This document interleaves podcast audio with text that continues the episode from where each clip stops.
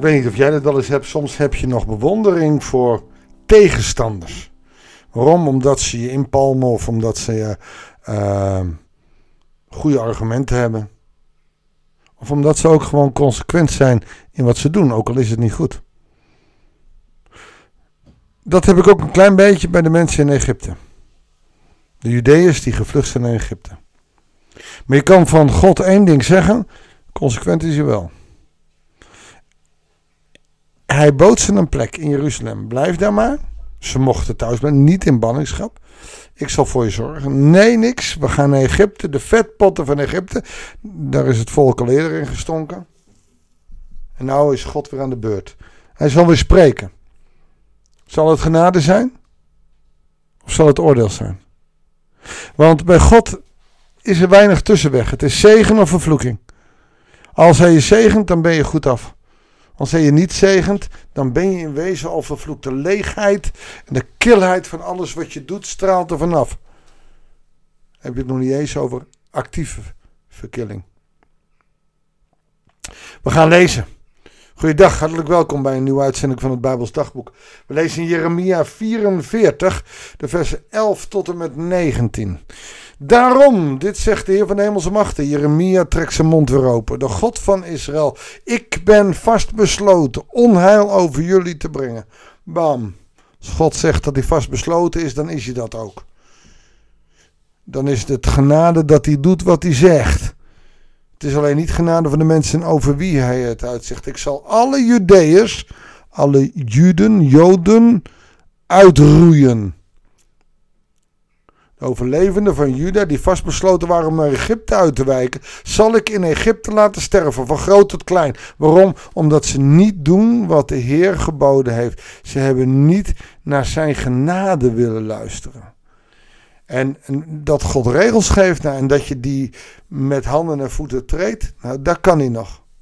Maar dat je de genade, het mogen blijven Jeruzalem. Echt, hele volkstammen verhuist naar Babylon. Jij mag blijven in Jeruzalem. En wat doe je? Je vlucht naar Egypte. De vetpotten, de luxe, het macht, de, de vrijheid. Al die dingen waar wij ook zo aan kunnen hechten, die zitten daar.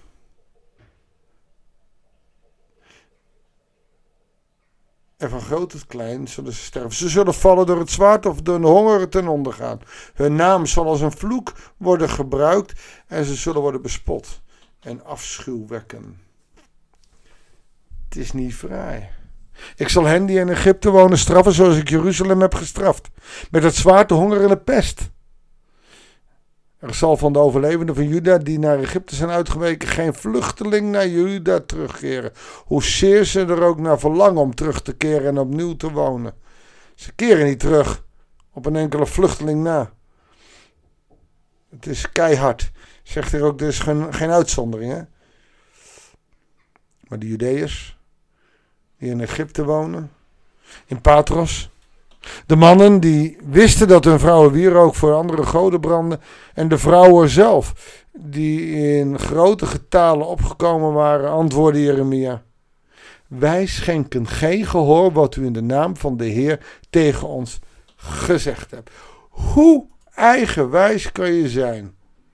Wij doen onze gelofte gestand. Wij blijven voor de koningin van de hemel wierook branden. En wij blijven haar wijnoffers brengen.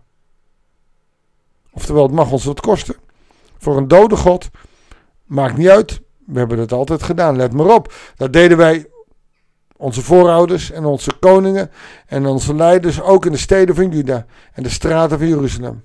En toen hadden we meer dan voldoende eten. Deze pech is gewoon even zeker niet aan, aan de koningin van de hemel te wijden. We waren gelukkig en bleven gevrijwaard van onheil. En vergeten dan, het is, dit is een narcistische neiging, ze vergeten dat hun volksgenoten naar Babylon zijn verbannen.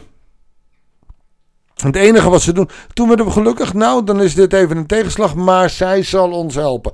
En hoe kan je blijven geloven in een dode God? Ja, dat doet ze. Maar sinds we hiermee opgehouden zijn, hebben we gebrek aan alles. Dus wat doen we? We moeten weer gaan vereren Maar, maar ze gaan de conclusie verder trekken. Maar sinds we ermee opgehouden zijn, hebben we gebrek aan alles en komen we om van de zwaard en de honger. De straf komt niet eens meer van God. Het is gewoon omdat zij zelf, de ik, gestopt is de verkeerde godin aan te roepen. En de vrouwen zeiden: We hebben voor de koningin van de hemel wierook gebrand, we hebben haar wijnoffers gebracht en koeken met haar beeltenis gebakken. Maar dat gebeurde natuurlijk met medeweten van onze mannen. Nou, dat is dan mooi. Dan doe je het niet als vrouw alleen, heb je je mannen nog even als kracht.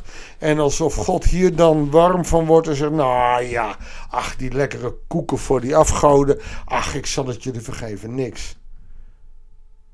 Als je de genade verkwanselt, en dat geldt ook voor ons. Als je de genade verkwanselt, dan is er niks meer over. En dat vind ik ook wel lastig in ons land. Hoeveel mensen weten niet dat er genade is? Kijk, als je uitgekeken bent op de kerk omdat er altijd helle verdoemenis wordt gesproken, dan snap ik dat. Maar als je uit de gemeente komt waarin de liefde en genade van Christus verkondigd wordt, hoe kun je daarbij weglopen? Hoe verkwansel je de genade? Dan wordt het opeens goedkope genade. Ach, ik ben toch wel ooit in de kerk geweest. Ik zal wel behouden worden. Ik doe nu lekker mijn eigen ding. Maar één vijand. één vijand die God niet aan kan, is jouw ik. En daarom zegt hij, ik wil dat je afhankelijk bent. Ik wil dat je gehoorzaam bent. Want hij kan niet tegen die ik. Nou, dat is wat er gebeurt. God is een liefdevolle God, heus wel. God is niet een God die ons gemaakt heeft om, om richting de hel te gaan. God heeft ons zo lief gehad dat hij zijn enige zoon gegeven heeft. Omdat een ieder die in hem gelooft niet verloren gaan, maar eeuwig leven hebben. Alleen als je afdwaalt, als je tegen de geest ingaat, als je tegen de genade ingaat. Wauw. Als je God verlogent, verlogent hij jou. Het zijn harde woorden, maar het is wel hoe God werkt. En ook in deze tijd nog. Dit mogen dan wel oud-testamentische woorden zijn, maar wij moeten niet denken dat door het offer van Jezus Christus wij al die genade hebben gekregen en we alles kunnen doen en, uh, wat we willen. Nou, zo gaat het echt niet. God laat zich niet voor jouw karretje spannen. God laat zich niet uitmaken voor een goedkoop iemand. Hij is in zijn liefde zo groot, maar is ook streng. En dus is ontzag voor de Heer, de God van de hemelse machten, schepper van hemel en aarde, op zijn plek. Alleen Hij is het loven waardig. Het voorbeeld van de Judeërs in Egypte is hoe het niet moet. Ook niet als je vroom zegt, maar we hebben altijd deze godin gediend, dan moeten we toch mee doorgaan. Een beetje, het is volhardend, dat is toch een goede eigenschap. Misschien wel door God gekregen. Niks niet. Niente, nada, nada, nothing. Zo zijn er ook mensen die vinden dat ze naast een christendom ook wel lekker zen kunnen zijn. Of, of, of een beetje boeddhistische beelden in huis hebben, want dat is zo rustgevend. Het kan niet. God laat het hier zien, het kan niet. Het gaat niet samen. Ook de Heer Jezus zegt het natuurlijk al en het kan niet. Het gaat niet samen. Dat is de boodschap van vandaag. Een duidelijke boodschap. Ik zou het wel anders willen maken, maar kan het niet anders maken. En het is niet omdat het in het Oude Testament staat niet meer waar. Het is een levende werkelijkheid, want het is de kerk van Nederland op dit moment. De kerk van het Rijke Westen. Een vet gemeste bende waarin ze niet meer afhankelijk kunnen zijn omdat ze genoeg hebben aan het vet wat aan de botten zit. Als de kerk wil groeien, moet, moet er meer dan twee jaar pandemie komen. En zelfs met een oorlog in de Oekraïne lopen de kerken niet vol. En ik vind het ook jammer dat vanuit oorlog of vanuit honger het zou gebeuren. Het zou moeten gebeuren omdat Jezus Christus de wereld zo lief heeft gehad. Dat we door zijn liefde en genade zeggen, maar daar wil ik bij horen. Maar wij christenen maken het niet mooier dan het, eh, niet mooi genoeg. Wij laten die liefde en genade niet zien. Wij lopen te mopperen, te klagen en ruzie te maken onderling. Als wij zijn getuigen willen zijn, zullen we God groot moeten maken. Gezegend zij uw grote naam. Zullen we samen danken en bidden? Heer, dank u wel dat u een God bent van liefde en genade. Dat u een God bent die naar ons omziet.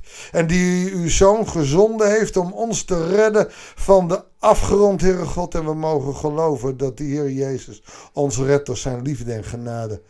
Heere God, en wij willen het net als de vrouwen uit dit verhaal en de mannen die erachter staan verkwanselen. Omdat we zo nodig andere goden moeten hebben. Of omdat onze eigen ik grootser is dan wij denken. Heer, vergeef ons onze hoogmoed.